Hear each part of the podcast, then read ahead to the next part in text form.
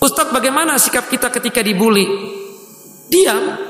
Bersikaplah sebagaimana Abdullah bin Salam. Maafkan dia. Maafkan. Kalau kebetulan dibulinya percis di depan kita, kita teguh. Kita teguh. Tapi kalau dibulinya itu cuma ucapan gibah tadi di luar dari pengetahuan kita, kita tahu nih teman orang itu suka ngomongin kita. Ya sudah, pahala buat kita. Tapi kalau di depan kita, kita teguh baik-baik Pak. Kenapa Bapak ngomong begini Pak? Apa salah saya sama antum Pak? Bapak kalau saya salah tolong nasihatin saya. Selesai. Nah dibully itu kan dengan ucapan-ucapan yang tidak pantas kadang. Jadi apa? Uh, ucap verbalnya itu nggak baik kadang. Nah yang kesian anak-anak kita kadang. Nah itu tugasnya guru ketika di sekolahan untuk menegur anak-anak yang suka membuli orang. Tapi kalau sudah bulinya itu dengan dengan tangan, dengan fisik ya kita tangkis. Ya, wajib untuk kita tangkis. Nah, kemudian kalau misalnya digibahin orang, ya ada teman kita yang melapor juga lu diceritain loh, biarin deh. Saya kira biarin pahala buat gue. Kemudian di hadapan teman kita yang melapor tadi kita doakan. Semoga Allah Jalla wa'ala mengampuni dosanya. Semoga Allah memberikan petunjuk untuknya. Dan saya maafkan. Itu sikap yang paling bagus. Jaminan surga buat kita kalau kita seperti itu. Nah, taib. Tapi kalau kita melawan bagaimana Ustaz? Ya boleh. Kita datangi. Apa adanya. Kenapa antum ngomong seperti ini di belakang? Sampai ini omongan sampai ke saya. Antum ini kan teman dekat Ana juga. Kalau anak salah tolong dong nasihati. Jangan di belakang begini dong. Ini kan gak baik antum. Antum gibah seperti ini. Iya kan? Nah, kita seperti itu ceritanya. Nah, jelas Bapak Ibu?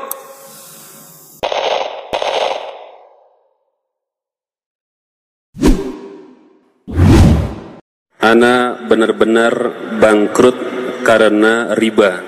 Tolong beri nasihat agar bisa kembali semangat dan bangkit lagi. Jazakallah riba. Riba ini dosa besar yang diremehkan. Kata Nabi SAW, satu dirham riba yang dimakan oleh seseorang itu lebih dahsyat dosanya daripada 36 kali berzina. Antum bayangkan. Kalau antum bangkrut, Alhamdulillah antum masih punya tangan yang bisa bergerak. Antum masih punya dua bola mata yang bisa melihat. Antum dikasih dua kaki yang bisa berjalan. Dan semoga dengan bangkrutnya antum dihapuskan semua dosa antum. Asalkan tadi tawakal sama Allah. Barang siapa yang meninggalkan sesuatu karena Allah, Allah akan kasih ganti yang lebih baik Nikmat Allah itu banyak dan ketahuilah bahwa kesehatan lebih baik daripada harta dan kekayaan. Maka antum lebih harus syukuri hal itu. Hadza wallahu a'lam Uh, kembali pertanyaan berikutnya. Assalamualaikum Ustaz. Setelah Ana nyunnah, Ana baru tahu apa itu riba. Masalahnya Ana udah terlanjur melakukan riba. Rumah Ana masih kredit riba, mobil pun kredit riba. Bagaimana ya Ustaz solusi terbaik buat Ana? Kalau mobil mungkin bisa Ana jual, tapi kalau rumah Ana belum mampu Ustaz. Syukran jazakallahu khair. Barakallahu fikum. Naam. Subhanallah jemaah ya. Kita bersyukur kepada Allah karena bangsa kita, negeri kita Indonesia bersama masyarakat yang mayoritasnya muslim sudah banyak yang sadar riba. Sudah banyak. Kita dari dulu itu seakan-akan dibohongin tentang riba. Karena memang nggak ada bank riba itu nggak ada kan? Ada bank riba Nggak ada yang datang orang Islam. Tapi bank berbunga.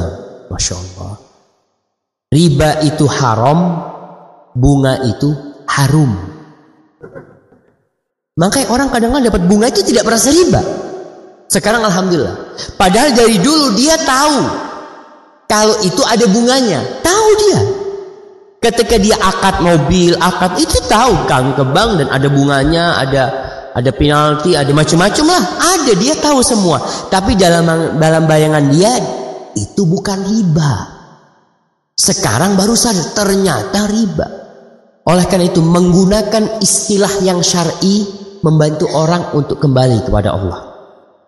Seorang pelacur ketika dikatakan pezina, ada nggak harapan kembali? Ada. Ya Allah, saya ini berzina dan zina itu seharusnya dirajam macam-macam.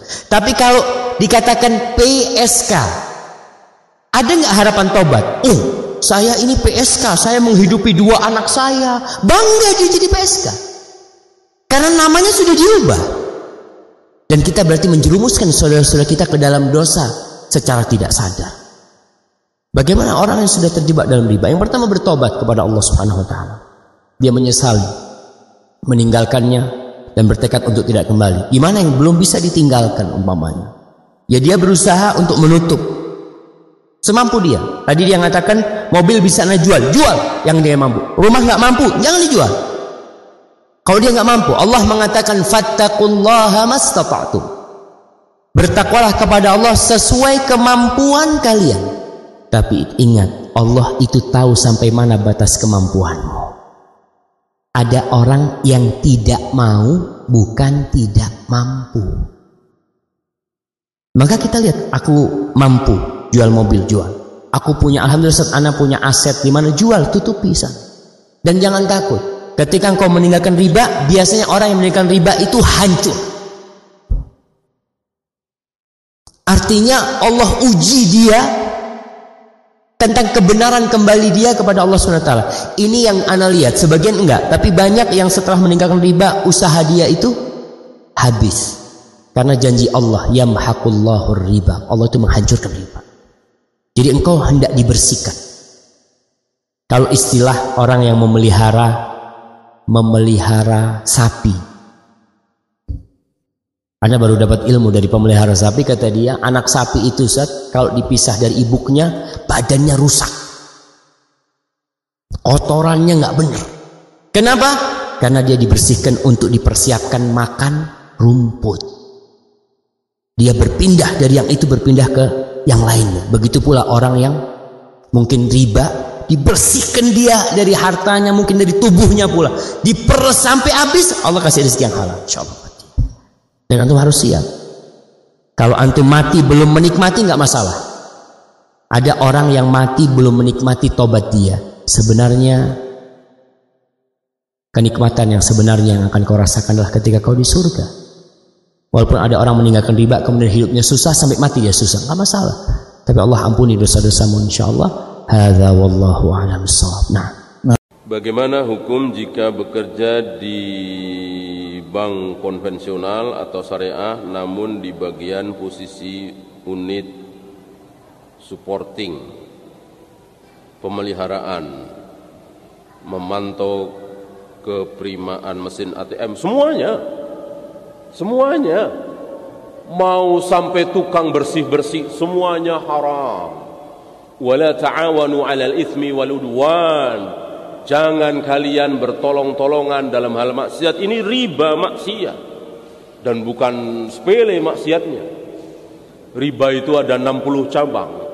Ada yang dosanya besar, sedang, kecil, ada yang paling kecil.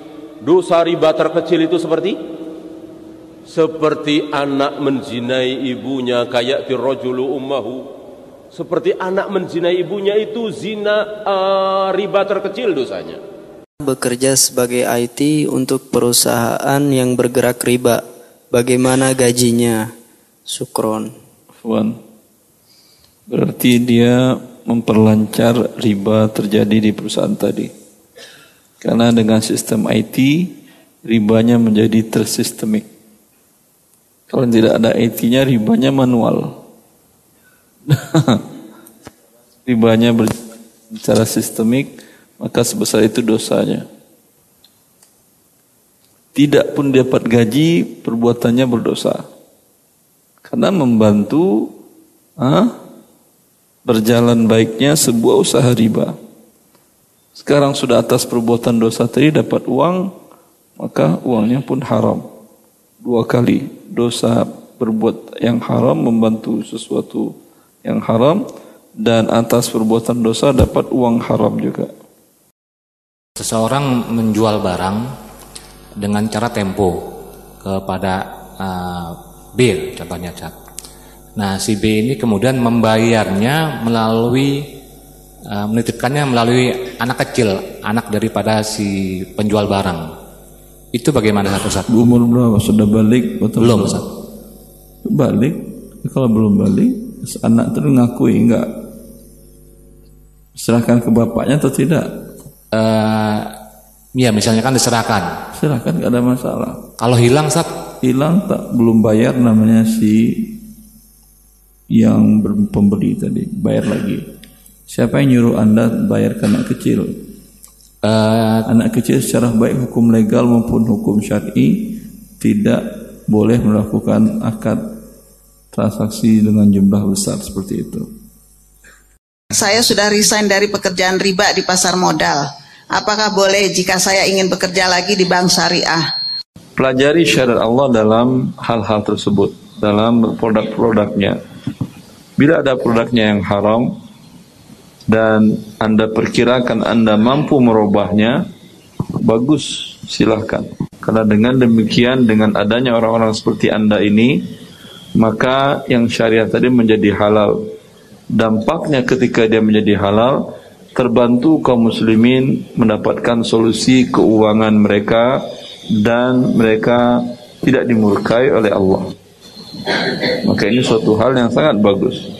Tapi kalau tujuan Anda untuk masuk hanya sekedar mencari rezeki Allah Azza, Azza wa Jalla saja, ya, maka ini bukan tempatnya. Kenyataan di lapangan tentang lembaga keuangan syariah itu banyak syubhat yang ditemukan. Bolehkah berdoa menggunakan doa-doa yang ada dalam Al-Quran tatkala sujud dan di luar sholat? Maka jawabannya boleh. Tatkala sujud boleh, apalagi di luar sholat. Misalkan Rabbana atina fid dunya hasanah wa fil akhirati hasanah wa qina adzabannar. Misalkan Rabbana la tuzigh qulubana ba'da idh hadaitana wa hab lana min ladunka rahmah innaka antal wahhab. Rabbana ighfir li wa li walidayya wa lil mu'minina yawma yaqumul hisab. Rabbana hab lana min azwajina wa dhurriyyatina qurrata a'yun waj'alna muttaqina imama. Boleh membaca doa-doa yang ada dalam Al-Qur'an tatkala sujud. Karena yang dilarang adalah membaca Al-Quran. Sedangkan kita saat itu bukan baca Al-Quran, kita sedang berdoa. Kalau kita berjualan boleh nggak mengambil untungnya berlipat ganda? Misalnya kita belinya seribu dan kita jual eh, empat ribu. Kalau empat harga jual itu adalah harga pasar untuk jenis barang tadi boleh. Ya. Dari modal tidak ada aturan. Bisa jadi modal seperti ini mungkin sekitar satu jutaan, dijual 10 juta. Boleh? Boleh karena harga pasarnya emang 10 juta, 11 juta atau 9 juta setengah harga pasarnya. Jelas? Tapi dari harga pasar tidak boleh lebih dari harga pasar lebih dari sepertiga. Harga pasar kan tentu tidak bandrol tetap 10 juta tidak. Bisa jadi 10 juta 100, bisa jadi 9 juta 800, bisa jadi 11 juta. Itu masih boleh. Tapi kalau dia jual 15 juta, wajib dia sampaikan kepada pembelinya. Katakan ini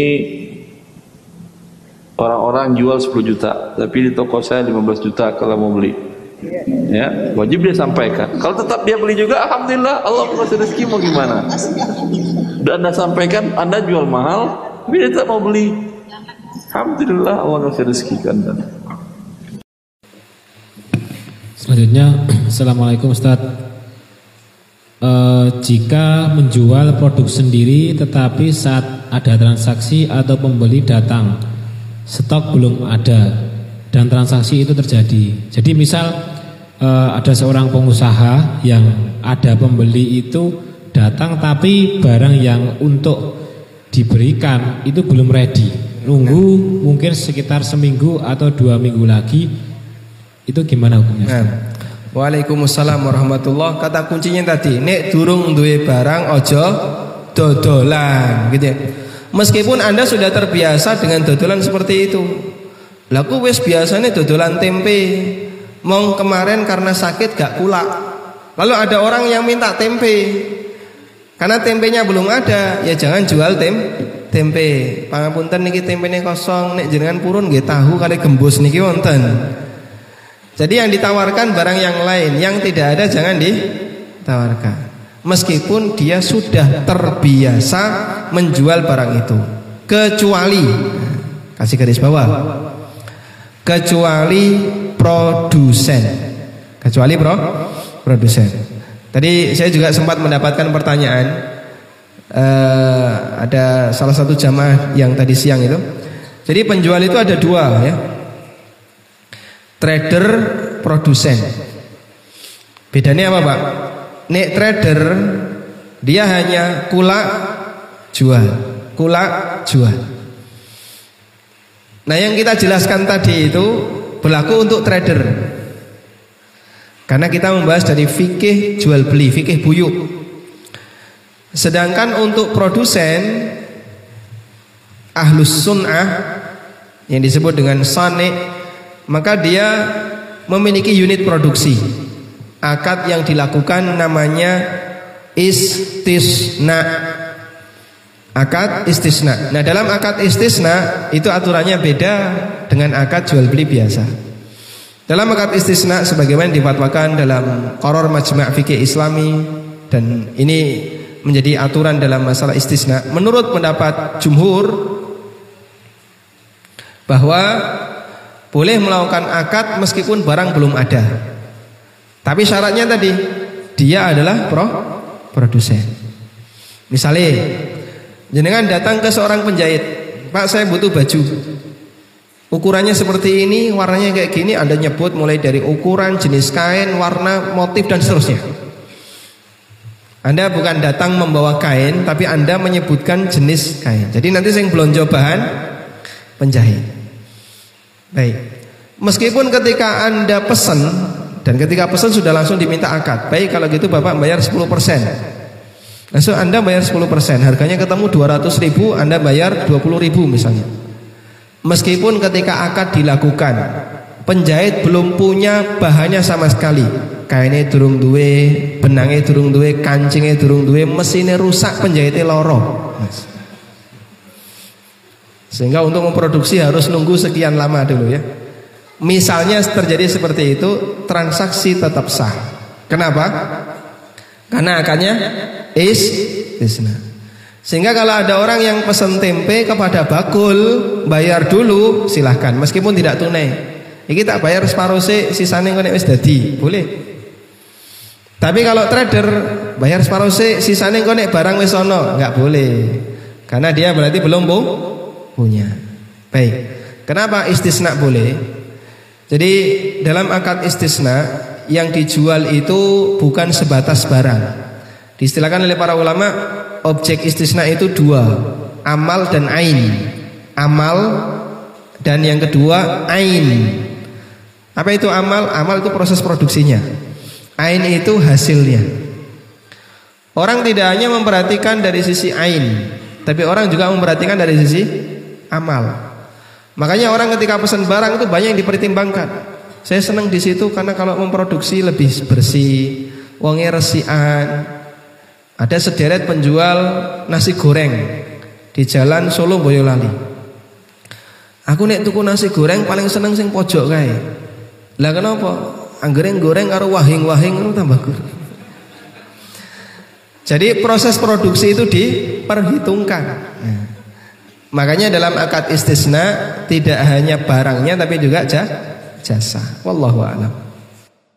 Apakah anak mesti diajak di mesti dilihat dulu kondisinya? Orang tua kadang tidak perhatian dengan ini, anaknya tidak bisa diatur, dia biarkan gitu saja berkeliaran. Nggak boleh sebenarnya. Dia cuma dapat manfaat untuk anaknya saja, jamaah rugi. Orang tua cuma dapat untung dengan anak satu, rugi 500 jamaah. Maka sah-sah saja jika ada tamir masjid atau DKM membuat aturan kayak begini itu sah-sah saja. Karena masalah orang banyak lebih dipentingkan daripada masalah individu. Ustaz kamu nanti halangi anak masuk masjid. Siapa yang mau halangi? Enggak, dia belum bisa diatur. Saya kalau anaknya didamping orang tua terus gitu. Ada aturannya. Ini termasuk bentuk mendidik anak juga ketika di masjid. Uh, begini Ustaz, uh, dari kantor itu ada fasilitas asuransi. Ya. Nah, selama ini uh, kami menggunakan untuk beberapa Eh, rumah sakit yang ditentukan dengan platform tertentu kita menggunakan manfaat itu. Nah hukumnya seperti apa Ustaz? Asuransinya BPJS atau? Asuransinya konvensional, sinar mas. Sinar mas. Tapi dipotong dari gaji atau tidak? Uh, enggak, itu fasilitas yang diberikan. Cuma ada plafon Ustaz. Ada Boleh. Plafon. Kalau anda yang bukan anda yang bikin tapi perusahaan dan pun bukan dipotong dari gaji Anda, berarti Anda tidak terlibat apa pun dalam akad riba tadi. Ya, ini uh, semata-mata adalah hibah dari perusahaan Anda. Yang buat riba dia, ya, yang membuat akadnya dia, Anda hanya menikmati dengan gratis boleh.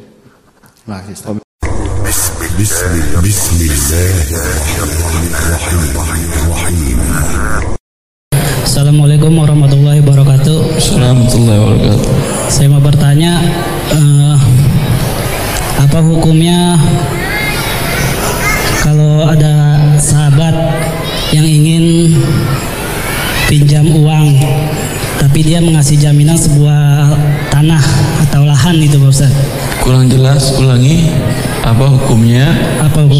sahabat? Iya seorang sahabat teman.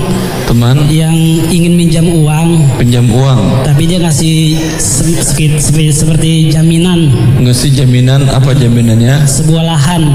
Lahan. tanah lah sawah mungkin. Sawah, sama sawah. ah. Nah si punya pemilik sawah itu bilang boleh sawah itu digarap atau digunakan selagi uang kamu belum saya kembalikan. ya Nah wa- sawah itu kita kelola sendiri dengan modal sendiri, usaha sendiri. dia tidak diberikan biaya sewa pemilik sawahnya tidak dapat biaya sewa Tidak, cuman uang uang tadi uang kembali seperti seutuhnya. Ah, taib. apa hukumnya tadi kan ya jawabannya riba haram Terima kasih Pak Ustaz. Allah barik fiik. Assalamualaikum warahmatullahi wabarakatuh. Dari mana dari mana ribanya kita jelaskan. Dia pinjam 10 juta. Lalu dia serahkan sawahnya kepada pemberi pinjaman tadi. Selagi uang 10 juta belum kembali, ah, maka sawah ini hasilnya seluruhnya untuk si pemberi pinjaman dengan biaya sewa gratis selama itu. Jelas? Berarti Anda dia pakai selama 10 tahun. Anggap sewanya 1 juta per tahun sawah tadi. Selama 10 tahun berarti berapa biaya sewanya? 10 juta. Ya kan? 10 juta. Uang harus dikembalikan lagi 10 juta. Berarti dia pinjam 10 berapa dia kembalikan? 20 juta, 10 jutanya riba. Ini lebih besar daripada riba di bank konvensional. Bank konvensional paling 13%, dia 100% ribanya.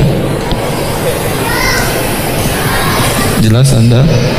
Lalu kalau umpamanya yang pemberi pinjaman tadi bertobat kepada Allah, hitung itu sewanya biasa sewanya pantasnya berapa, ya walaupun dia bilang pakai, udah Anda pakai. Hah? Sewanya berapa per setahun? Berarti Anda pakai 10 tahun serahkan kepada dia ini sawah, ini sawahmu. Kan belum saya bayar kata dia. Udah kamu bayar dengan sewa yang tidak saya serahkan uangnya kepada kamu. Jelas? Baik. Selanjutnya Assalamualaikum Ustadz, bagaimana hukumnya menjual barang dagangan di bawah harga pasar? Jazakallahu khairan. Waalaikumsalam warahmatullahi Oke. Banting harga itu boleh atau tidak? Ya. Ulama khilaf dalam masalah ini. ya. Ada eh, satu buku yang ditulis oleh Imam Yahya bin Umar Al-Kinani. Beliau hidup sekitar abad 4 Hijriah, 300-an berapa begitu. Dia menulis buku judulnya Ahkamus Suq, hukum-hukum seputar pasar. Dan hanya satu judul ini saja yang saya temukan dengan penulis beliau ini. Buku-buku yang sejenis dengan itu nggak ada. Kemudian eh, buku itu sedang dalam proses saya tulis ulang, tapi bukan nerjemah ya. Saya tahdib. Semoga Allah mudahkan nanti kita bisa eh, bahas buku judulnya Pasar Muslim insya Allah ya. tentang aturan bagaimana pasar yang baik dalam Islam. Jadi di situ beliau menyebutkan di antara bentuk tas'ir yang diperbolehkan, menetapkan harga yang diperbolehkan adalah melarang penjual menjual barangnya dengan harga yang lebih murah dibandingkan harga pasar. Kata beliau disebutkan dalam riwayat Anas bahwa memaksa penjual itu hukumnya dolim. Tapi yang boleh dilakukan jika ada penjual di pasar yang menjual barangnya di bawah harga normal, maka dia dikasih pilihan. Naikkan hargamu, angkat hargamu atau angkat kakimu. Naikkan harga atau pergi dari sini. Kalau misalnya dia nggak mau menaikkan harga, maka dia tidak boleh jualan di situ. Dan itu wewenang negara. Dan kata beliau, inilah pendapat yang tepat. Dan ternyata pendapat beliau ini adalah fatwa Umar bin Khattab radhiyallahu anhu. Keputusan Umar bin Khattab radhiyallahu anhu. Dulu ada seorang sahabat yang bernama Hatib bin Abi Balta'ah. Beliau menjual zabib. Zabib itu apa? Kismis. Dengan harga di bawah normal. Sehingga para pedagang zabib yang lain gak ada yang payu semuanya ngerubung nih. Para konsumen semuanya membeli ke tempatnya Hatib. Sampai akhirnya dilaporkan kepada Amirul Mukminin, lalu datang beliau ke pasar. Kemudian beliau meminta kepada Hatib, angkat hargamu atau angkat kakimu. Namun seorang Hatib yang punya pendirian, beliau lebih milih angkat kaki daripada angkat harga. Estimbangannya saya harus taat kepada ini, saya lebih baik pergi. Karena bagi beliau konsisten dengan harga itu menjaga wibawa menurutnya ya. Akhirnya Hatib pulang jualan di rumah. Konsumen pasar datang ke rumahnya Hatib. Nah, pasarnya sepi. Akhirnya Umar datang ke rumahnya Hatib dan di tempat itu beliau tidak punya wewenang untuk melarang Hatib untuk pergi. Pergi dari sini Hatib. Nah, itu rumahku. Kalau di pasar mungkin boleh diusir, tapi kalau ini tempat saya, rumah saya, Anda tidak berhak untuk mengusir. Dan ini menjadi dalil bahasanya ketika ada orang menjual harga lebih murah di bawah normal maka dia diizinkan tapi tidak boleh di tempat umum. Tidak boleh di tempat umum. Nek kowe pengen lunga ya lunga saka kene. Dodolan ning kene regane kudu seragam sakmene kalau mau dibawa itu maka silahkan pindah ke tempat yang lain. Nah misalnya kalau zaman sekarang gimana pak kan masing-masing sekarang online online itu maksudnya jangan satu grup di satu grup WA punya aturan. Biasanya nih kawan-kawan ngaji itu kan jualannya kalau nggak herbal sirwal gitu ya. Di sini herbal normal harganya sekian. Kalau ada yang dia banteng harga, silahkan left dari grup. Nah, itu aturannya. Sirwal harganya sekian. Kalau ada yang banteng harga, ya, silahkan keluar dari grup. Misalnya, silahkan boleh seperti itu. Ini pendapat yang pertama. Kemudian pendapat yang kedua mengatakan bahwa banting harga itu boleh. Banting harga ini boleh. Dan pendapat kedua ini berdalil bahwa masalah harga itu kan masalah kemaslahatan. Kalau harga tinggi berarti itu menguntungkan penjual, harga rendah menguntungkan pembeli. Padahal dalam sebuah pasar yang sehat sebuah pasar yang sehat idealnya itu penjual dengan pembeli lebih banyak yang mana? Penjual atau pembeli lebih banyak yang mana? Hah? Kalau dalam sebuah pasar penjualnya lebih banyak dibandingkan pembeli yang terjadi apa Pak? Tutup ya. sing dodol satu, sing tuku loro Pak. Itu toko tutup kabeh. Idealnya dalam sebuah pasar yang namanya pembeli itu lebih banyak dibandingkan pen penjual. Berarti menguntungkan pembeli itu lebih maslahat bagi umum. Sementara menguntungkan penjual itu maslahat khusus. Dan kita punya kaidah maslahatul ammah muqaddamatun alal maslahatil khassah. Maslahat umum lebih didahulukan dibandingkan maslahat khusus. Sehingga yang lebih tepat banting harga hukumnya boleh. Kembali kepada dua dokter yang tadi kita sebutkan ya. Kalau menurut Ustadz Muhammad Arifin Badri, beliau lebih memilih pendapat uh, siapa? Pendapat yang pertama tadi. Sedangkan Ustadz Erwan dia lebih memilih pendapat yang kedua. Baik, memahami khilaf mereka itu sebenarnya mengasyikkan. Cuman kita harus sering-sering membaca tulisannya ya. Punya buku hal- halal haram kontemporer? Ada yang punya? Punya ya. Baik, tapi biasanya kita kalau baca kan judul kesimpulan gitu saja ya. Wallahu a'lam. Silakan. Ustadz bolehkah sholat fajar sebelum adzan berkumandang? Nggak boleh sholat sunnah, sholat sunnah, qobliyah dikerjakan jika sudah masuk waktu. Jika sudah masuk waktu. Kapan kita boleh sholat qobliyah zuhur? Kalau sudah masuk waktu zuhur. Waktu adzan kita boleh sholat qobliyah. Adzan zuhur kita boleh sholat qobliyah zuhur. Adzan eh, subuh kita boleh sholat qobliyah subuh. Kalau kita sholat sebelumnya itu bukan waktu sholat qobliyah. Masih waktu sholat malam dan sholat witir ya. Jadi eh, boleh sholat qobliyah jika sudah masuk waktu adzan. Allah alam, anak yang pernah alami tidak menghalangi belajar. Yang penting sabar. Jangan pikir macam-macam mau makan ini makan itu. Udah nikmatin yang ada baca Bismillah ya Allah mudah-mudahan jadi ayam. Hmm, Masya Allah. Makan. Udah jangan terlalu banyak yang macam-macam. Akhirnya nggak bisa. Takut. Takut untuk nikah. Gimana Ustaz kamu nikah? Sekarang perempuan kamu eh, dapat orang tua uang belajar dapat. Si laki-laki dapat uang dari belajar dapat. Udah nikah duit dari masing-masing. Jadi selesai. Masya Allah. Ri- rizki pasti Allah kasih. Jadi kalau dikatakan sih bagaimana cara menanggapi nikah muda tetapi kita masih ingin menuntut ilmu. Saya nggak mengatakan nikah saja tapi kita yang lebih tahu diri kita. Daripada ngapal Quran baca Quran baca tapi yang kebayang bukan Quran yang kebayang yang lain. Baca Quran nggak masuk masuk kalau begitu keadaannya nikah.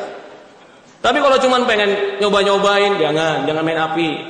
Ya, jangan coba-coba. Kalau belum tekad yang kuat, jangan. Tapi daripada akhirnya kita futur, akhirnya kita melakukan yang haram, sudah bismillah, lakukan nikah. Taib, ini sebenarnya kembali kepada kondisi bos kita.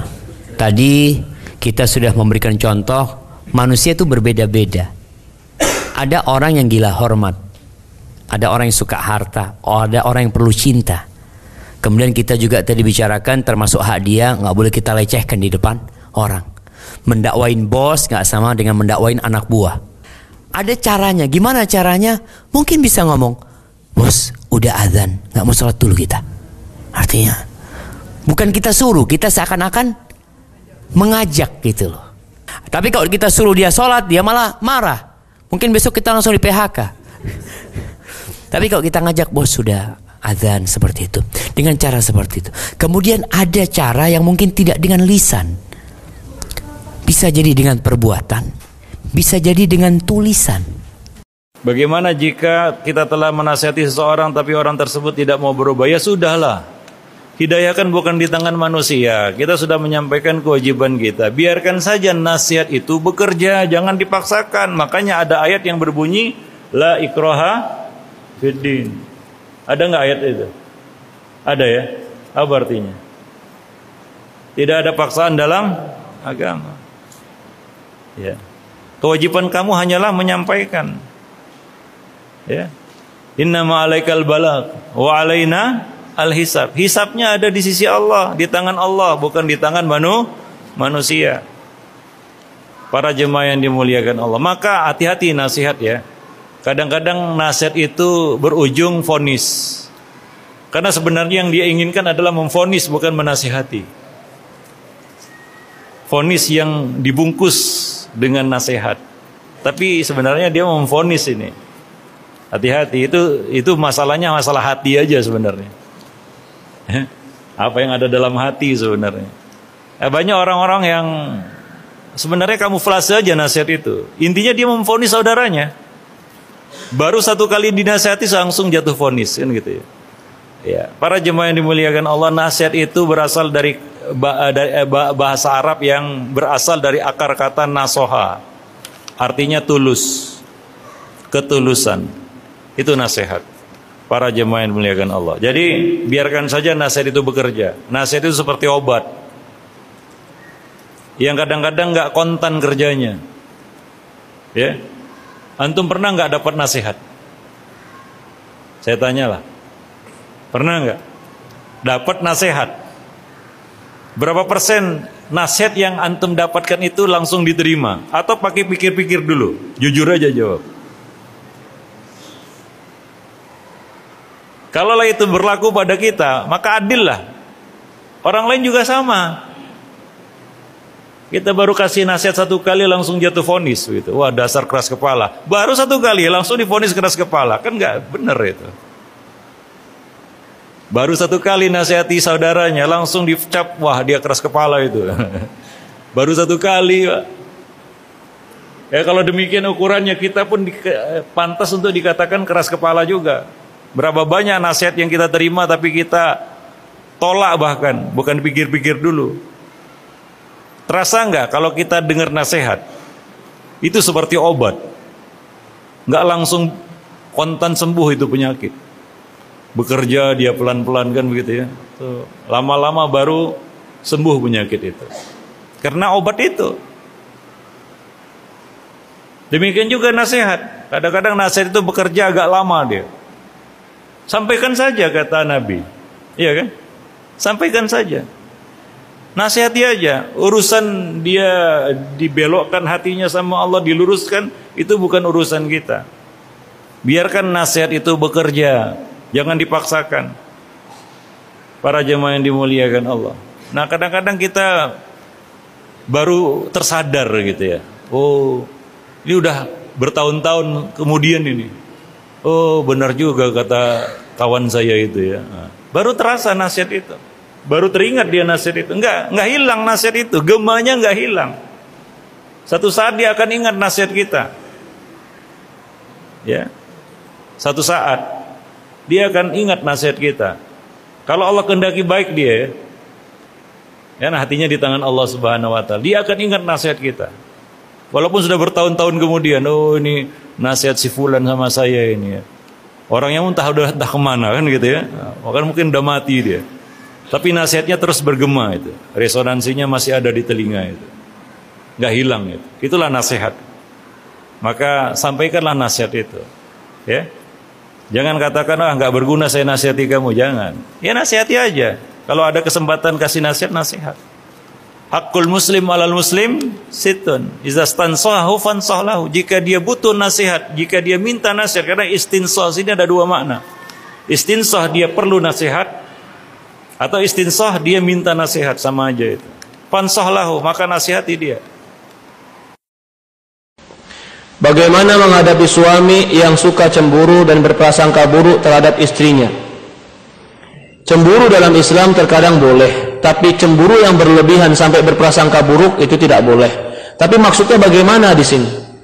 Kalau maksudnya si istri keluar setiap hari nggak pakai izin, si suami cemburu, boleh nggak Ustadz? Boleh. Itu cemburu yang boleh.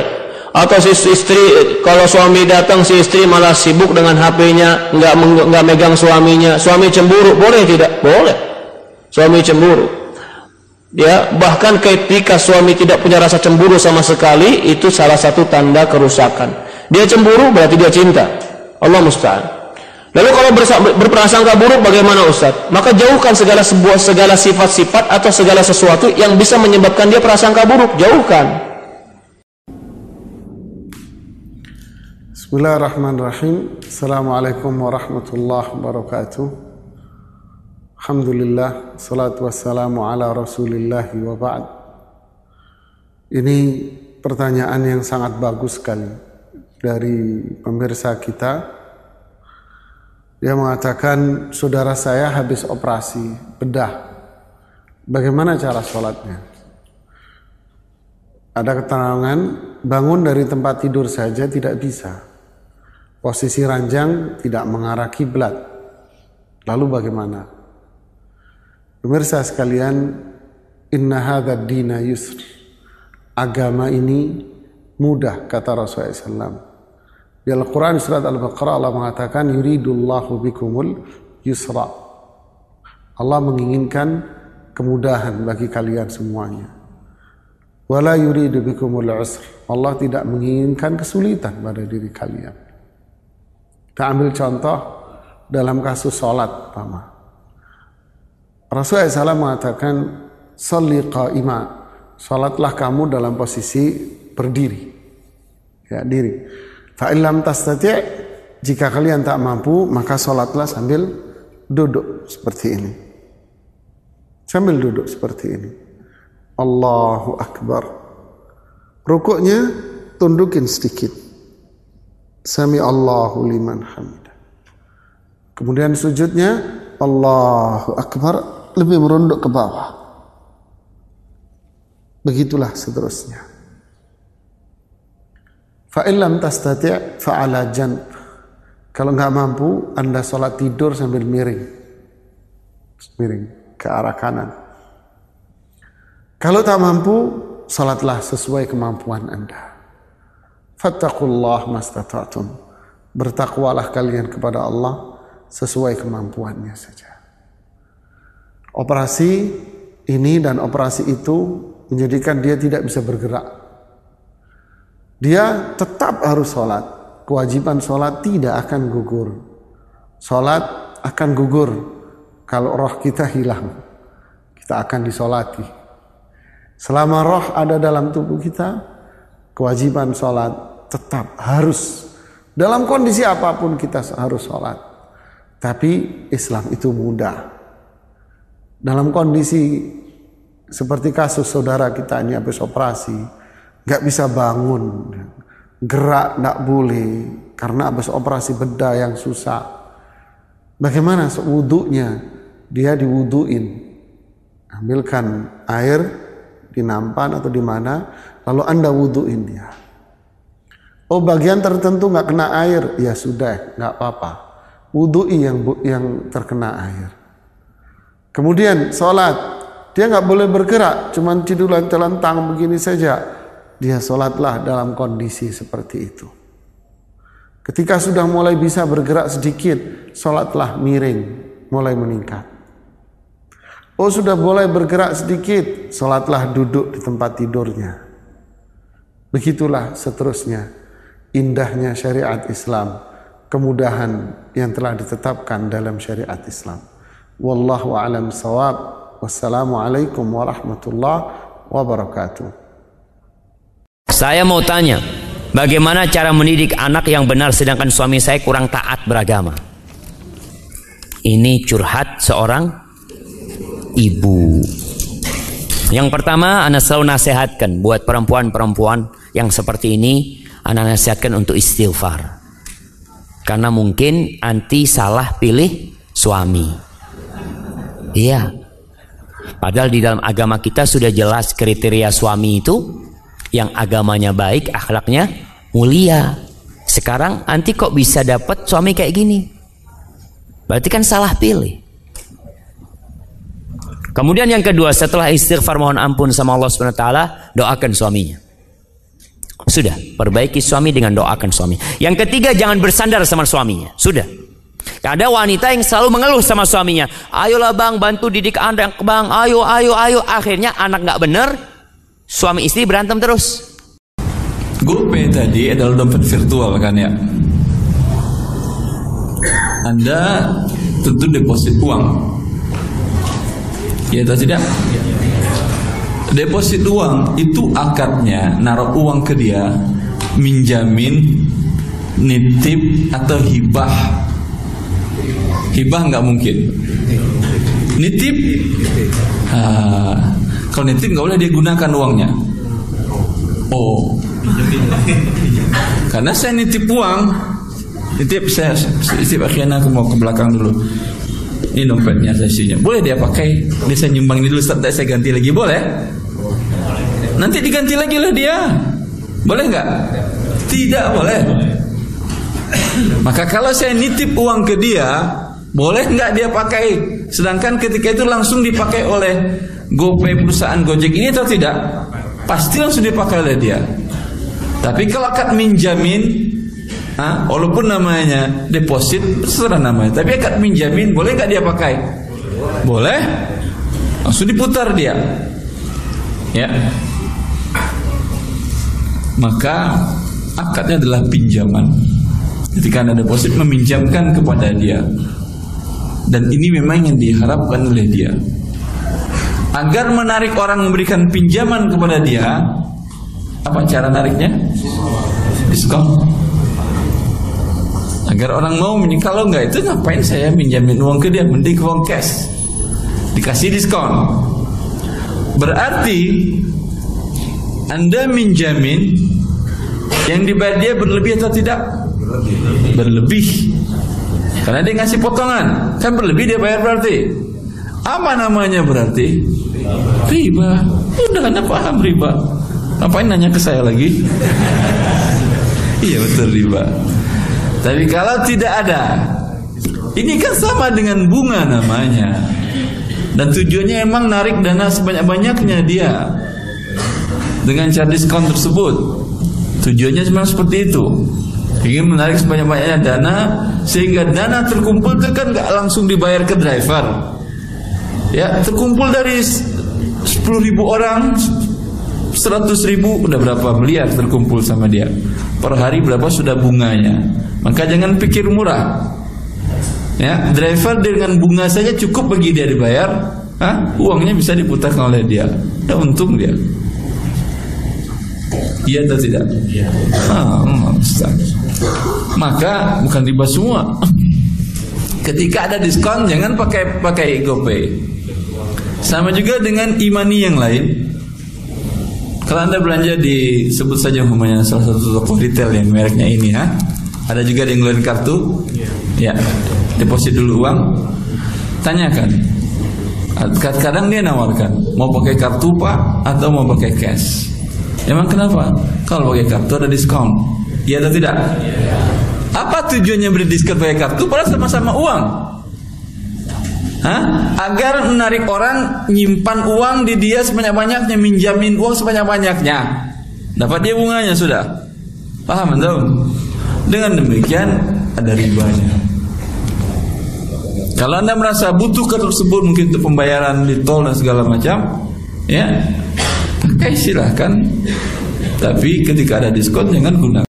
Apakah boleh saya dipinang dengan orang yang berbeda mazhab, mazhab pria tersebut mazhab Hanafi tapi tinggal di luar negeri.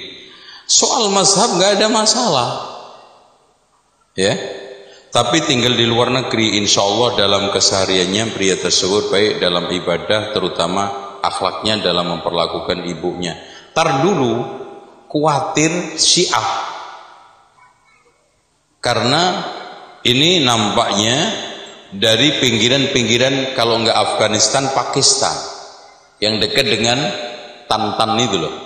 Khorasan, Afghanistan, Pakistan, Tajikistan itu. Terus apa lagi? Eh, Kyrgyzstan itu. itu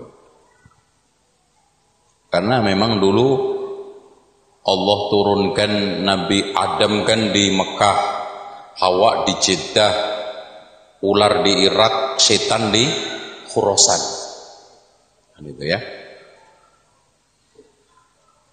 Kayaknya jangan dilihat akhlak dulu, manhaj ya. Dan hati-hati akhwat sekalian yang menikah dengan orang luar. Ya. Karena saya menemukan tidak sedikit yang akhirnya bermasalah. Ternyata dia Syiah, ternyata dia pemikirannya takfiri, ternyata pemikirannya macam-macam. Dan yang lainnya bahkan kadang-kadang ternyata dia masuk jaringan. Si perempuan itu akhirnya hanya diperalat. Ya. Bagaimana menjaga hati kalau kita bekerja di tempat kerja yang ada campur baur antara laki-laki dan perempuannya? Sudah saya katakan tadi berat. Di zaman sekarang be berat. Antum mau nanya bagaimana solusinya yang berat itu Ustaz gitu. Antum ngeluh ya, antum ngeluh, antum bekerja di tempat yang campur baur sehingga sering terkena fitnah hati gara-gara campur baur itu. Karena wanita adalah fitnah bagi laki-laki sebagaimana laki-laki fitnah bagi wanita. Bahkan Nabi mengatakan fitnah terberat bagi laki-laki dari umat Nabi Muhammad adalah wanita. Dan antum berada di, di, di kondisi fitnah itu. Lalu antum bertanya ke Ustaz, Ustaz bagaimana cara jaga hati Ustaz? Kira-kira Ustaz akan jawab apa? Tetap antum zikir, tetap ibadah walaupun campur baur gitu. Kalau tahu sarangnya fitnah, keluar lu dari sarang itu. Berusaha Jangan kemudian sudah tahu ini berbahaya untuk agama kita, lalu mencari obatnya kepada ustadz dan tetap di tempat berbahaya itu. Tahu sudah tempat berbahaya, selesaikan dulu dari tempatnya. Saat saya tidak mau basah-basah ustadz, tapi saya di dekat kilit siling saya air nih ustadz, tapi nggak pernah mau basah. Menjauh dulu dari air. Wallahu taala alam. Ya. Dan fitnah zaman ini zaman sekarang fitnah wanita berat bagi kaum laki-laki. Nabi mengatakan ma taraktu fitnatan adarra ma taraktu lirrijali. Aku tidak pernah meninggalkan untuk kaum laki-laki fitnatan adarra alaihim minan nisa'i yang lebih berat bagi mereka lebih mudarat bagi mereka daripada fitnah kaum wanita. Wallahu a'lam. Ada orang yang bekerja di satu bank lalu gajinya diinfakkan untuk pembangunan masjid. Apakah perbuatan orang tersebut mengandung nilai ibadah? Jawabannya tidak. Kalau bank itu bank riba, maka penghasilannya haram. Dia membantu transaksi yang haram, maka penghasilannya juga haram. Dan Nabi SAW bersabda, Inna Allah tayyibun la yaqbalu illa tayyiban. Sesungguhnya Allah itu maha baik, tidak menerima kecuali yang baik. Jadi Allah nggak terima dari harta yang haram. Tapi boleh dia berikan kepada orang-orang fakir. Dan jangan dia niatkan sedekah. Apa yang dia niatkan? Berlepas diri dari harta haram. Kalau kita punya harta haram, kita berikan kepada orang fakir dan kita niatkan untuk berlepas diri dari harta haram, bukan niat sedekah. Dan kita nggak dapat pahala sedekah. Ustadz, Ana mau tanya, Ana kan ngajar di SD negeri. Sering ada siswi yang ingin salaman. Pertanyaannya sampai batas umur kelas berapa supaya tidak bersentuhan? Kalau dia balik, tidak boleh. Kalau dia sudah balik maka tidak boleh apa? Bersentuhan. Kalau dia belum balik masih boleh ya. Kecuali kita memang terkadang berhasrat ya jangan kita menjaga diri. Tapi hukum asalnya tidak mengapa. Kalau wanita sudah balik, wanita balik biasanya umur 12. biasanya umur 12. Berbeda-beda, ada yang 15, ada yang 12, ada yang 10, tergantung eh, masing-masing uh, kondisi wanita tersebut. Jika kita melakukan transaksi melalui marketplace online, lalu kita memasukkan sebuah kode voucher, uh, sebuah kode dari marketplace itu, dan kita mendapatkan cashback berupa poin, yang poin itu dari salah satu e-wallet itu hukumnya boleh dipakai atau tidak ya Ustaz? Karena Anda bayarnya pakai e-wallet atau cash transfer? Bayarnya transfer dari bank. Boleh, nggak apa-apa. Terus uh, kalau kita setelah melakukan transaksi itu kita mendapatkan poin uh, kayak loyalty point gitu Ustaz. Poinnya itu bisa ditukar ke voucher. voucher. Anda yang jelas bayarnya pakai transfer kan ya? Iya, Uang cash bukan pakai e-wallet kan ya? Bukan. Boleh. Uh, poinnya bisa ditukar ke voucher, voucher itu halal ya Ustaz untuk digunakan. Halal. Itu aja Ustaz, jazakumullah. Ketika Anda menginginkan makanan, Anda memberikan perintah kepada driver tertentu untuk membelikan. Itu beli pakai uang Anda atau pakai uang driver? Berarti ada utang piutang di sini. Dia membeli menalangin uang dengan uang dia. Kemudian nanti berapa yang dia dapatkan dia sampaikan kepada Anda nih barangnya bayar seperti yang saya bayarkan untuk pembeliannya dan tambahkan transportasi. Ya. Berarti di sini ada hutang piutang dan ada sewa jasa, jual beli jasa. Rasulullah SAW mengatakan la yahillu salafun wa tidak halal menggabungkan akad utang piutang dengan akad jual beli. Sini terjadi penggabungan utang piutang dan jual beli jasa maka hukumnya adalah haram. Selain haram ini juga mengandung unsur riba. Dari mana ribanya? Dari dari pinjaman tadi si pihak driver mendapatkan pertambahan biaya transport yang dia tagihkan lebih mahal daripada transport biasa. Ya atau tidak? Ya, maka ini ada riba terjadi dan larangan Rasulullah SAW juga terjadi.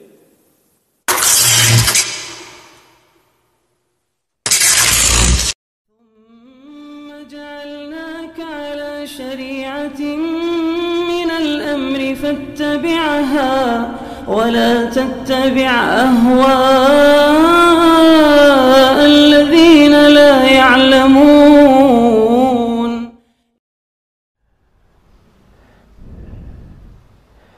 Bagaimana hukumnya apabila ada orang yang ingin bertukar tempat ketika pada sholat fardu dengan seorang di sebelahnya. Namun orang yang diminta itu sedang berzikir sehingga terkadang merasa terganggu. Ini siapa yang mengharuskan dia bertukar tempat? Iya. Ini juga saya nggak paham ya pemahaman kadang sebagian orang kalau sholat di satu tempat seakan-akan dia harus pindah ke tempat lain. Itu salah di dalam memahami hadit. Bukan haditnya dikatakan tidak kuat, haditnya sahih. Ada di sahih Muslim di akhir bab Jumat dari apa ibnu Sa'ib. Beliau dilihat oleh Muawiyah radhiyallahu taala anhu habis sholat Jumat langsung berdiri sholat. Kalau Muawiyah dipanggil. Nah ini para sahabat ya amar ma'ruf nahi mungkar. Beliau berkata, kenapa kamu melakukan hal itu? Maka Muawiyah mengajarkan, kalau kamu habis sholat, jangan kamu langsung sambung dengan sholat kecuali setelah kamu berpindah atau berbicara. Karena Rasulullah sallallahu alaihi wasallam amarana bidzalik memerintah kami dengan hal tersebut. Iya. Amarana alla tusalu salatun bi salatin hatta nakhruja au natakallam. Begitu teksnya. Kami diperintah untuk tidak menyambung sebuah solat dengan solat sampai kami berbicara, sampai kami keluar atau kami berbicara. Nah, itu dalil yang dipakai kenapa dipakai berpindah. Tapi itu konteksnya kalau dia langsung menyambung sholat. Menyambung ya, ini baru selesai sholat. Langsung dia mau berdiri untuk sholat sunnah. Nah, itu betul, dia pindah. Atau dia berbicara dulu. Tapi kalau dia sudah berdikir, saya tanya, berdikir itu bicara atau tidak? Hah? Dia sudah bicara itu dikir, ngapain dia pindah lagi? Ya, kemudian dia ganggu lagi orang lagi berdikir ya dianggap dirinya melakukan sunnah tidak boleh itu mengganggu namanya. Jelas ya? Maka ini salah paham tentang hadith. Saya tanya ke Syekh Solal Fauzan ya Syekh kalau kita duduk berdikir dikir sudah berbicara? Kata beliau iya sudah berbicara. Baik di situ perintah. Perintah bukankah bermana wajib? Enggak itu perintah irsyad kata beliau. Bermana sunnah saya. Itu bukan kewajiban. Jelas ya? Itu bukan kewajiban. Jadi seorang itu Pahami pikihnya dulu baik-baik. Jangan hanya mendengar kesimpulan, tidak tahu apa dalilnya. Ya, jadi baca dalilnya dari mana diambil pendalilan, kemudian dari situ dia pahami dan dia bangun hukum di atasnya. Baik, semoga Allah memberi taufik kepada semuanya. Apa hukum adzan dan iqamah pada bayi yang baru lahir? Masalah ini ada khilaf di antara para ulama berkaitan dengan keabsahan hadisnya. Al-Imam Ibn Al-Qayyim rahimahullahu ta'ala dalam kitabnya Tuhfatul Maudud fi Ahkamil Maulud beliau menghasankan hadisnya. Bahkan beliau berusaha untuk menjelaskan adzan itu menjadi kalimat pertama yang didengar oleh bayi kalimatullah dia dengar Allahu Akbar, Allahu Akbar, syahadu an la ilaha illallah. Itu yang akan menanamkan fitrah dia. Tapi sebagian ulama lainnya beranggapan memang hadisnya dhaif. Ada beberapa riwayat kalau Nabi alaihissalatu mengadani hasannya. Tapi itu pun dhaif. Wallahu a'lam seperti itu. Apa hukumnya seorang akhwat setiap hari suka menggunakan celana jeans? Kalau jangankan celana jeans, celana apa saja, itu kan membuat auratnya itu terbentuk. Lekuk-lekuk tubuhnya terlihat. Maka tidak boleh dia gunakan di depan selain suaminya atau selain mahramnya. Iya. Tidak boleh. Walaupun bukan celana jeans. Sekedar bahan jeans itu tidak masalah. Bahan jeans tidak masalah. Seandainya bahan jeans dijadikan jilbab, boleh tidak? Insya Allah tidak masalah. Tidak masalah. Ya. Jadi bukan masalah celana, bukan masalah bahannya, tapi bentuknya. Walaupun bukan bahan jeans, namun bentuknya celana itu tidak pantas digunakan di depan selain suaminya. Pertanyaan apakah janin yang keguguran di umur lebih dari 120 hari wajib diakikahkan? Hukumnya sama dengan anak yang lahir ya, anak yang lahir ya. Apakah wajib diakikahkan atau tidak? Khilaf di kalangan para ulama yang benar bahwasanya akikah tidak wajib, dia hanya sunnah. Yang bisa melakukan alhamdulillah, kalau nggak bisa juga tidak tidak e, berdosa ya. Hukumnya adalah sunnah. Seandainya dia tidak bisa mengakikahkan nggak ada masalah. Pertanyaan Ustadz, Ana dilahirkan di luar nikah tanpa ayah dan setelah Ana lahir tidak dinafkahi sampai sekarang. Apakah Ana wajib berbakti kepada ayah Ana dan bagaimana caranya? Jawabannya, anak yang lahir dari e, perzinahan atau di luar nikah, maka e, ayah tersebut bukan ayah syar'i. Maka tidak wajib untuk berbakti kepadanya ya.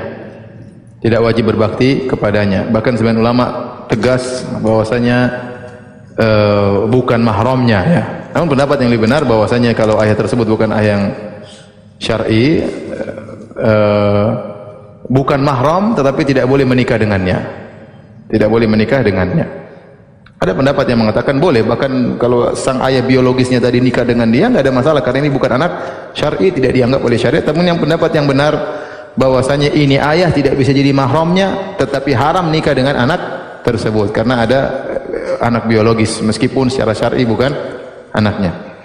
Jadi uh, secara syariat tidak wajib berbakti kepada ayah tersebut. Ya. Tapi kalau seorang kasihan, mak maksudnya ingin membantunya tidak ada masalah. Sebagaimana membantu orang lain, ya. Tapi secara syar'i tidak wajib untuk berbakti kepadanya karena dia bukan ayah yang syar'i. Uh, berikutnya terkait dengan asuransi, Ustaz. Assalamualaikum. Assalamualaikum Ikut ikut asuransi pendidikan 16 tahun dan ini sudah mau selesai dan keluar uangnya. Bagaimana hukumnya dengan uangnya? Lebih baik digunakan untuk apa? Jazakallahu khairan.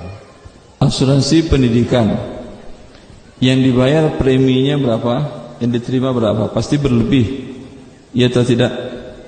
Sebesar sebesar uang premi adalah uang Anda, halal Anda gunakan untuk apa pun juga.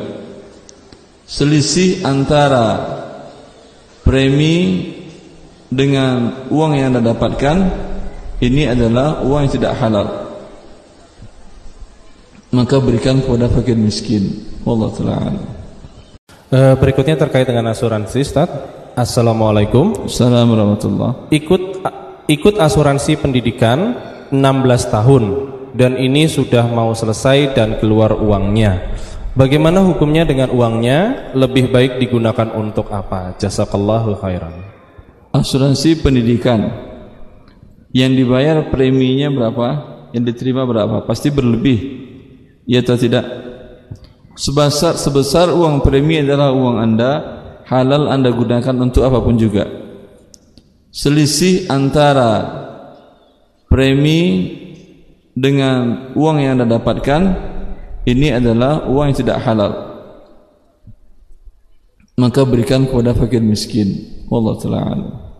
Sana haji itu asuransi yang ditunjuk oleh pemerintah menjalankan undang-undang khusus Ustaz.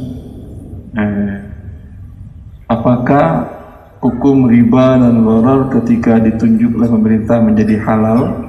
Dalam Islam tidak ada sebuah dosa besar ketika dibolehkan oleh pemerintah menjadi halal, tidak ada. Seperti umpamanya banyak mengatakan bekerja di bank BUMN atau di bank negara ya di sana ada riba. Apakah menjadi halal karena negara membolehkannya? Sama saja bolehkah berarti berzina di tempat perzinahan yang diresmikan oleh negara?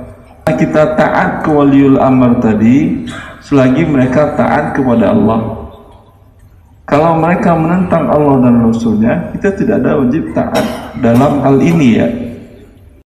Bagaimana hukumnya menurut Ustadz seseorang yang bekerja di Bank Indonesia ataupun di OJK?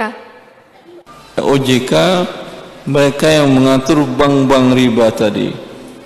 Mereka buat aturan pengawasan dan seterusnya ya agar riba berjalan mantap di Indonesia. Maka Anda bekerja di dua lembaga ini memantapkan riba di atas tanah air ini yang anda lawan adalah Allah Azza wa Jalla. Persiapkan senjata terkuat anda. Apa bedanya BPJS Kesehatan dengan BPJS Ketenagakerjaan bagaimana hukumnya karyawan yang bekerja di BPJS Kesehatan dan tenaga kerja halal atau haram Ustaz? BPJS Kesehatan itu kalau setiap warga negara Indonesia sakit akan di cover dengan ini. Dan setiap warga negara Indonesia harus ikut menjadi peserta BPJS Kesehatan. Iya atau tidak? Buktinya pemaksaannya kalau ada yang tidak ikut dia butuh urusan ke negara seperti mengurus akta kelahiran anak tidak akan diberikan akta kalau tidak ada nomor keikut pesertaan BPJS tadi. Berarti sudah dipaksakan oleh negara ya. Karena dipaksakan oleh negara walaupun dia mengandung unsur-unsur beberapa hal yang haram hukumnya menjadi halal. Karena dipaksa mau apa boleh buat? Salam wabarakatuh. Ustadz saya ingin bertanya dulu saya bekerja di pabrik alat musik tetapi ya. sekarang saya sudah resign. Bagaimana uang pesangon yang saya terima apakah halal atau haram? Jazakallah khairan katsiran. Ya. Dia bekerja membuat alat musik. Ya. Andai dia pun tidak diberi gaji, sudah berdosa atau tidak? Berdosa. Karena membuat alat musik. Sekarang atas perbuatan dosa tersebut dapat imbalan uang halal atau haram uangnya pasti haram. Karena anda pun gratis sudah berdosa dia. Sekarang untuk dosa tadi dapat uang lagi. Enak banget jadi orang. Bikin dosa dapat uang. Taip. maka uangnya adalah uang yang haram. Halalkah bekerja di penggadaian dan di toko gadai seperti gadai mobil, gadai emas yang uh, tidak yang apa yang di pinggir jalan itu Ustaz? Iya semua enggak ada di tengah jalan ibu. Saya saya baca saya bacakan sesuai tulisan Ustaz. Masya Allah. Terima kasih ibu. Karena kalau pengadaan di tengah jalan mentang-mentang riba di tengah jalan dia ditabrak. Alhamdulillah. Allah barik fikum. Ya.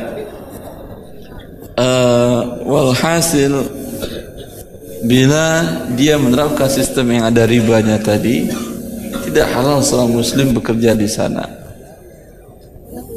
Jelas? Allah berfirman Wallahu taala alam adalah haram sampai pun jangan berjualan. Membeli pun haram bagi orang berjualan di jalan tersebut. Karena dengan pembelinya kita dari dia akan mengakibatkan dia berjualan di jalanan dan terganggu orang lewat di jalanan dan jalanan bukan dibuat untuk berjualan untuk lewat pejalan kaki dan pengendara. Ya apalagi dalam kondisi sekarang. Bila orang berjalan di pinggir jalan bahkan di trotoar akan menyempit jalan dan bisa mengakibatkan hilangnya nyawa dan ruh. Saya pikir kalau Imam Al-Burhani ini hidup sekarang pasti tidak ada khilaf lagi menurut dia. Karena kondisinya sudah mengatakan demikian.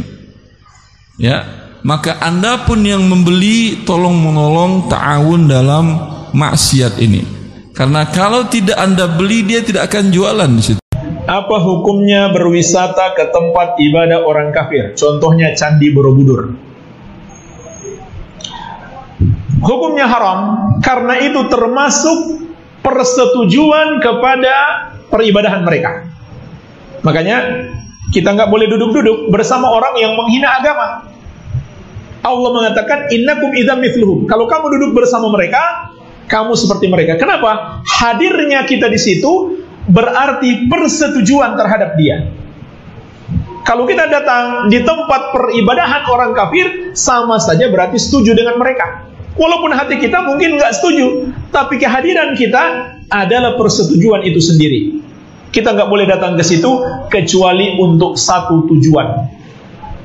Mau membubarkan orang yang lagi beribadah kepada selain Allah. Bagaimana hukum berwudu dengan air yang wudu air wudunya sudah terpecik air bekas wudu? Ana pernah mendengar bahwa tidak boleh berwudu dengan air yang terpecik air bekas wudu.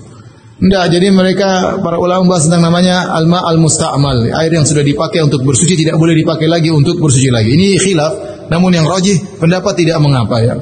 Ini pendapat dijelaskan oleh Imam Al Ghazali, dia menyelisih madhab Syafi'i, dia mengatakan seandainya dulu eh, air yang sudah dipakai tidak boleh dipakai lagi, maka sangat sulit bagi para sahabat yang sangat kekurangan apa?